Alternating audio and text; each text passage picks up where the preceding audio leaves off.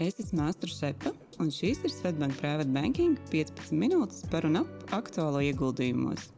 Katru piekdienu kopā ar kolēģiem un arī viesiem apspriedīsim karstākos jaunumus finanšu tirgos un labklājības veidošanas tēmās, lai aizraujoši klausīšanās. Esiet sveicināti podkāstu 64. epizodē. Šodien es Mārtiņš esmu kopā ar vecāko privātbanķieru Ventu Riņķu. Čau, Vent! Čau, Mārtiņ! Un šodien runāsim par uh, ieguldījumu stratēģiju, kas ļaus jums nopelnīt līdzekļus. Nu, jūs tos līdzekļus saņemsiet regulāri savos kontos. Mēs šodien parunāsim tieši par ieguldīšanu uzņēmumos, kas maksā lielas dividendes, regulāras dividendes un ar ko tad ir raksturojami tie un kā mēs varam varbūt, novērtēt, vai ieguldīt dividendžu uzņēmumos ir prātīgi, cik prātīgi un kādus ienesīgumus mēs varam sagaidīt. Jā, nu tad uh, sāksim ar to, kā var raksturot uh, dividendžu uzņēmumu. Tad nu, noteikti tas jā, būs. Droši vien īstenībā mēs varam pateikt to, ka dividendžu uzņēmumi ir tie, kas pirmais jau ka pelna kaut ko. Nu, jā. Un tie būs noteikti lieli, nobrieduši uzņēmumi, ar, kā jūs teicāt, ar stabilu peļņu daudzu gadu garumā. Šiem uzņēmumiem noteikti būs raksturīgi tie, tas, ka viņi ir gana stabili arī kaut kādas nenoteiktības un krīžu laikā. Uh, nu, tad arī šīm dividendēm noteikti būs raksturīgi tas, ka tās laika gaitā pieauga. Vēlams, pieaug, jā, tas ir tāds labs signāls un arī pieņēmums finanšu pasaulē, kad stabili uzņēmumi tad, uh, pieaudzē uh, savu dividendžu apmēru, tādā veidā pierādot, ka vēl joprojām ir ļoti labi investīciju objekti. Uh, dividendžu novērtējums, kā mēs varam novērtēt, vai tas ir labs uzņēmums, kurš maksā daudz dividendus vai nē, tad ir tāds varbūt viens no kritērijiem, kas ir dividendžu ienesīgums. Mēs skatāmies, cik ir izmaksāts dividendus un to dalām ar akcijas cenu. Attiecīgi dabūjam procentus. Vai nu tas ir 4, vai 5, vai 6, varbūt kādos gadījumos citi cipari. Bet uh, tas mums ļauj salīdzināt, uh, ja mēs šodien nopirktu akciju, cik ir uh, izmaksājot dividendus, mēs nopelnītu. Nu, līdzīgi kā depozītā, bet uh, akciju pasaulē. Varbūt jāpiemina, ka depozītā tas būtu varbūt garantēti, bet nu, dividendus katru gadu var mainīties un atbilstoši situācijai katrā nozarē tā var būt atšķirīga. Eh, jāsaka, ka eh, ir uzņēmumi, kas arī nekad nav izmaksājuši dividendus, un varbūt arī neplāno izmaksāt. Tās ir tādas tehnoloģiju, varbūt kompānijas vairāk raksturojas. Es zinu, un var pieminēt alfabētu, Meta, kas ir Facebook, Amazon, nav maksājuši dividendus šie uzņēmumi. Kas eh, orientējās vairāk vai mazāk uz attīstību. Un, eh, vai tas ir slikti vai labi? Man liekas, ka Venta ne viens ne otrs. Nu, to grūti novērtēt, jo, nu, teiksim, ja uzņēmumam ir izaugsmas iespējas, tad uh, tas, ka viņš neizmaksās dividendus, bet ieguldīs šo naudu jau, nezinu, konkurentu iegādē, jaunu tehnoloģiju un tā tālāk izstrādē, tas noteikti nav slikts rādītājs. Uh, savukārt šie senie, nobriedušie lielie uzņēmumi, iespējams, ka jā, viņiem šīs attīstības iespējas vairs nav tik lielas, tad uh, viņi, viņi, viņi veic šo dividendžu izmaksu biežāk. Un jāsaka, tur arī jāvērtē. Nu uzņēmumi jau daž, da, da, dažādi. Daļa izmaksā dividendēs, daļa at, atstāja attīstībā. Un tas ir tas labais, kad eh, pēc būtības mēs to visu varam arī miksēt, un pats uzņēmums to var darīt. Eh, bet investoram, ja viņš eh, vēlās tiešām stabilu, stabilu ienesīgumu katru gadu, tad viens no pamatkritērijiem ir tiešām skatīties vēsturi un vispār cik tad ir bijušas tās izmaksas, cik viņas ir bijušas regulāras un cik mēs uz nākotni skatoties varam arī sagaidīt, cik tā peļņa ir pagaidām šajos laikos redzama viņu bilancē. Ieguldīt mēs varam arī noteikti izmantojot fondus. Tieši tā, un fondi jau ir tie, kas palīdz mums apvienot šādu veidu uzņēmumus, tieši orientējās un atlasa uzņēmumus, kas maksā lielākus dividendus, un varbūt katram investoram atsevišķi tas nav jādara. Nu jā, nav jāmeklē tas viens vienīgais vai divi, trīs uzņēmumi, bet nu, tiešām tur būs jau daudz uzņēmumi un šī diversifikācija. Un, uh, fondu gadījumā tad jāmeklē fondu nosaukumā vārds dividend, high dividend vai dividend aristokrāts. Uh, esmu redzējis arī tādus ETFs, kam nosaukumā ir vārds, vārdi cash cows, jeb naudas govs. Tā ir praktiski Svetbanka internetbankā šos fondus var atrast. Uh, tie mēdz būt reģistrēti ar saīsinājumiem, tādēļ, meklējot, noteikti iesaku izmantot arī izsīnu kodu vai simbolu. Tad noteikti atradīsiet šo konkrēto fondu. Uh, bet šiem nosaukumiem ir arī kāda nozīme.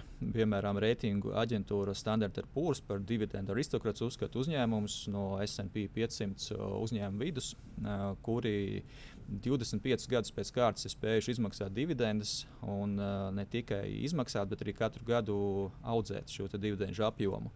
Nu, tad vēl, kā, vēl līmeni augstāk ir dividendu kings, kas to spējuši jau vesels 50 gadus, nu vismaz 50. Un starp SP 500 uzņēmumiem ir 68 šie dividendu aristokrāti un 48 dividendu karaļi, jeb kings. Un uh, starp dividendu kings uh, kā labāko var izcelt rūpniecības produktu ražotāju 3M, uh, kas šo dividendu izmaksu veids jau vesels 100 gadus. Un 60 gadus ir arī šīs dividendes audzējs. Jā, iespējama statistika. 3M pastījos šobrīd tas ienesīgums dividendu rādās 5,9%. Nu, un simts gadu garumā, protams, mainoties, bet uh, ļoti stabils rezultāts. Vēl, protams, Robora uh, High Dividend fonds arī jāpiemina. Ir arī Svetbanka mājaslapā varam atrast. Uh, fonds ir aktīvi pārvaldīts, varat skatīties uh, informāciju tur. Nu, fonds arī atlasa tieši uzņēmumus, kas uh, orientējās uz augstāku dividendu izmaksu. Uh, vēl skatoties, kādā, kā raksturojās un kas jāņem vērā dividendu mm, nu, sakarā, bieži vien ir tāds interesants, interesants moments akciju tirgu, kad redzam tieši šos grafikus, tādus iekritienus. No vienas puses, tie mums liek domāt, ka tā varētu būt kāda problēma vai slikta ziņa uzņēmumiem, bet nereti tieši dividendžu izmaksas brīžos mēs redzēsim akcijas cenas kritumu. Uh, Un tas ir saistīts, eh, saistīts ar to, kā tas tiek tehniski iegrāmatots. Un, man liekas, ka mums ir pāris tie teicieni, kas ir tie svarīgākie, kuriem sekot līdzi. Nu, tas būs tas ex-dividend date, respektīvi tas ir datums, eh, kurā tiek apkopots visu akcionāru saraksts, kuri saņems uh, dividendus. Attiecīgi, esi nākamā dienā, tad tu šīs dividendes jau nesaņem. Jā, un parasti tas raksturojas ar to, ka tā cena krītās apmēram orientējuši par to apmēru, kāds ir dividendžu apmē, nu, apjoms.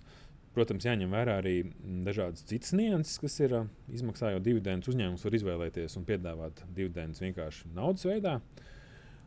Bet ir arī gadījumi, kad uzņēmums var piedāvāt izmaksāt divas, savas dividendes viņu nu, to pašu akciju veidā. Tas tādi varbūt specifiskāki brīži. Tie nav varbūt ierasti, par to jums varbūt speciāli jā, jāinformē savs brokers vai banka, ja uzņēmums ir izteicis tādu piedāvājumu. Uh, Un tajā pašā laikā arī jāpiemina noteikti šie nu, stoks buyback, kas ir, kad uzņēmums neizvēlās izmaksāt dividendes, eh, neizvēlās eh, investēt attīstībā, bet vienkārši atpērk tirgū savas akcijas, tādā formātā samazinot akciju apjomu kopējo, kas ir uh, tirgū pieejams. Nu, nereti tas saistās arī ar akcijas cenas pieaugumu. Nu, pavisam vienkārši akcionāri, kas paliek, viņi, viņi, viņu daļu uzņēmumā automātiski un matemātiski palielinās. Par fondiem, kas, kā, kāda ir fondu mm, pieredze ar dividendžu izmaksu? Nu, fondu gadījumā arī uh, ir divi varianti. Ja jūs skat, meklēsiet fondus, tad pievērsiet uzmanību, vai šis fonds dividendus izmaksā, uh, vai arī atstāja uh, fonda um, pārvaldībā un reinvestē jaunu akciju iegādē. Uh, Un, attiecīgi, ja jums ir mēģinājums nodrošināt regulāru naudas plūsmu, tad, protams, ir jāizvēlas fondu, kurš izmaksā šīs dividendes. Esmu redzējis fondus, kas izmaksā reizi mēnesī, ceturksnī vai reizi gadā. Un, tas nu, ir jūsu lēmums. Ja savukārt šī naudas plūsma nav tik svarīga, tad noteikti prātīgāk ir izvēlēties fondu, kas saņem tās dividendes, reinvestē, tas nodrošina papildus peļņu. Un tad mēs varam runāt par tādu jēdzienu kā saliktie procenti, ko Alberts Einsteins reiz nodēvējis par astoto pasaules brīnumu. Es domāju, ka, jā, ka šie saņemtie procenti vēl pelna papildus procentus. Nu, jā, Nevis nāk prātā arī Vorens Buffets, kuram ļoti patīk saliktie procenti. Un īstenībā, pastoties to viņu pieeju un to viņu uzņēmumu, Berkshire Hathaway pieeju, tad Berkshire Hathaway ir īpašnieks daudziem dažādiem uzņēmumiem. Daudzi no viņiem maksā dividendes, daudzi no viņiem taisa šos buybackus. Uh, bet kopumā tā pieeja ir tāda, Vorens ir teicis, ka nu, viņš uzskata, ka viņa uzņēmums un viņa pievienotā vērtība ar līdzekļiem, ko saņem šajās dividendēs, ir tāda, ka eh, reinvestējot, kad Berkshire Hathaway reinvestē tās, pērk jauns uzņēmums vai nu, nopērk tā paša uzņēmuma atlikušās akcijas, ir tā, kas var pieaudzēt vairāk eh, procentuāli nu, peļņu. Un pats Berkshire Hathaway tad, uh, ir uzņēmums, kas nekad pats neizmaksā dividendus, bet nu, orientējoši reinvestē savus līdzekļus, kas viņam paliek, eh, paliek pāri un nu, pēc saviem ieskatiem. Par nozarēm. nozarēm. Jā, nozare, protams, ir atšķirīgas un atbilstoši arī nu, ir, ir tādas, kuras ir populārākas un vairāk dividendes izmaksā. Nu, jā, tad, citas. Nu, jā, droši vien tas vis, vislielāko īpatsvaru tas varētu būt uzņēmumi, kas ražo plašu patēriņu preces, jeb consumer staples. Nu, tādi vārdi kā Nestle, Procter Gamble un, protams, arī Varena Buffeta iemīļotā Coca-Cola. Viņa vadītais fonds Berkshire Hathaway ieguldīja šajā uzņēmumā jau vairāk kā 30 gadus. Šo pirmo ieguldījumu veica 1988. gadā kad kopā ar tirgu akciju, Coca-Cola akcijas bija būtiski nokritušās, pat neskatoties uz to uzņēmumu potenciālu. Un šobrīd Coca-Cola joprojām ir ceturtā lielākā pozīcija viņa fondā. Vēl noteikti starp dividendžu maksātājiem redzēsiet veselības aprūpas uzņēmumus, tādu uzņēmumu kā Johnson Johnson, Roche, Pfizer un daudz citu. Um, enerģijas kompānijas, enerģētikas arī ir ļoti populārs. Jā, Exxons, uh, Totals, uh, arī teiksim, uh, Buffetta fondā Chevron ir ar trešo lielāko pozīciju. Noteikti arī finanšu sektors, lielās bankas, apdrošināšanas sabiedrības. Nu, tad, piemēram, man liekas, interesanti arī redzēt BlackRock, kas ir lielākais fondu pārvaldnieks pasaulē. Uh, viņu teiksim, te pārvaldīto aktīvu apjoms jau svārstās 90 triljonu dolāru vērtībā. Uh, vēl, protams, arī tas 3M, jeb rūpniecības uzņēmumi, arī citi lieli autoražotāji, tehnoloģiju uzņēmumi.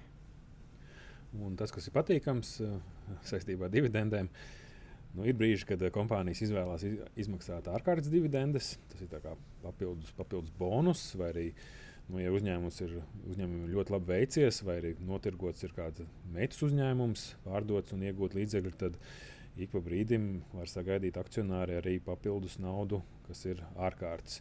Viens spilgts piemērs ir Volkswagen, kas uh, veica šo Porsche IPO uh, akciju tirniecības. Uh, piedāvājumu pirmreizējo tirgu ieguva līdzekļus, un tad izvēlējās, ka diezgan nozīmīgu daļu, 19,06 eiro uz vienu akciju izmaksāt uh, esošiem Volkswagen akcionāriem, tajā brīdī pieaudzējot šo ienesīgumu uz 22%. Nu, manuprāt, tajā brīdī, kad akcionāri saņēma līdzekļus, ļoti iepriecināti bija par stipri vien lielākām dividendēm nekā ieraksts, ierasts. Nu, ierasts bijis orientējuši pie 7% pēdējā laikā Volkswagenam. Nu, lūk, un, mm, kas tad ir samērīgs un liels un mazs dividends? Tas arī noteikti ir mums jāparunā par to. Nu jā, par tādām samērīgām tiek uzskatīts dividends, kas nepārsniedz šo 4% slieksni. Mm, svarīgi ņemt vērā arī kādu daļu no peļņas uzņēmums atstāja attīstībai un cik tad izmaksā šais dividendēs. Tad, nu, teiksim, par tādu veselīgu apjomu vidē tiek uzskatīts, ka dividendēs tiek sadalīti 30% līdz 50% no peļņas. Nu, katrā nozarē ir savas īpatnības. Nu, piemēram, mūsu pieminētā Coca-Cola dividendžu ienesīgums ir ap 3%. Uh, nu, attiecīgi, cipariski, ja tev pieder 10,000 eiro vērtas Coca-Cola akcijas, tad katru gadu tu dividendēs var saņemt ap 300 eiro. Un uh, Coca-Cola šogad tad, uh, sadalīja 60% no peļņas dividendēs. Nu, savukārt šis Chevron, kas arī ir Berkshire Hathaway uh, portfelī, šogad nodrošināja dividendžu ienesīgumu jau gandrīz 4%, lai gan uh, dividendēs sadalīja tikai 30% no peļņas. Jā, un jāņem vērā arī, ka nu, dividendes tas ir uh, ienākums, kas nav garantēts. Uzņēmums uh, izvēlās uh, katru gadu izmaksāt tās vai nē. Nu, protams, stabili uzņēmumi, kas to darījuši, kā mēs zinām, Dividends Kings 100 gadu garumā, ne 50 gadu garumā. Ja? Kings bija 50 gadu, 50 gadu garumā, jā, ir pietiekami stabili, bet nu, arī šajos uzņēmumos, tādos stabilos, ir varbūt periodi, kad mēs redzam, ka spilgts piemērs ir Boeing, ļoti stabili maksāja dividendes, bet nu, no 2020. gada līdz ar finansiālām problēmām, gan to, kad Covid iestājās, gan ar neveiksmīgo modeli, kas tika palaists uh, lidojumos, uh, piedzīvoja finansiālas problēmas un, attiecīgi, nav, nav spējīgs maksāt dividendus pašlaik. Jācer, ka Boeingam vēl labāk veiksies turpmāk, un viņš atgriezīsies pie dividendu izmaksas, bet nu, investoriem jāņem vērā, ka uh, vienmēr tie lēmumi jāpieņem vai nu pērkot individuālas akcijas, vai nu pērkot šos fondus. Kāds iedarīsies jūsu portfelī, kāds iedarīsies tieši jūsu ieguldījumu nu, teiksim, stratēģijā. Ja tas ir svarīgi saņemt regulārus ienākumus jūsu kontā, tad dividendžu, augstu dividendžu izmaksājošu uzņēmumu ir, ir izvēle, kas to nu, noteikti ļauj īstenot. Teikšu tev, Vent, šodien paldies par piedalīšanos epizodē un tiekamies nākamās reizes. Paldies, Mārtiņ! Uzredzi! Audio saturā dzirdētā informācija nav uzskatāms par ieguldījumu konsultāciju vai ieteikumu slēgt finanšu tirgus darījumus vai ieguldīt finanšu instrumentos. Paldies, ka klausījāties! Lai izdevusies diena un uz tikšanos nākamajā sarunā!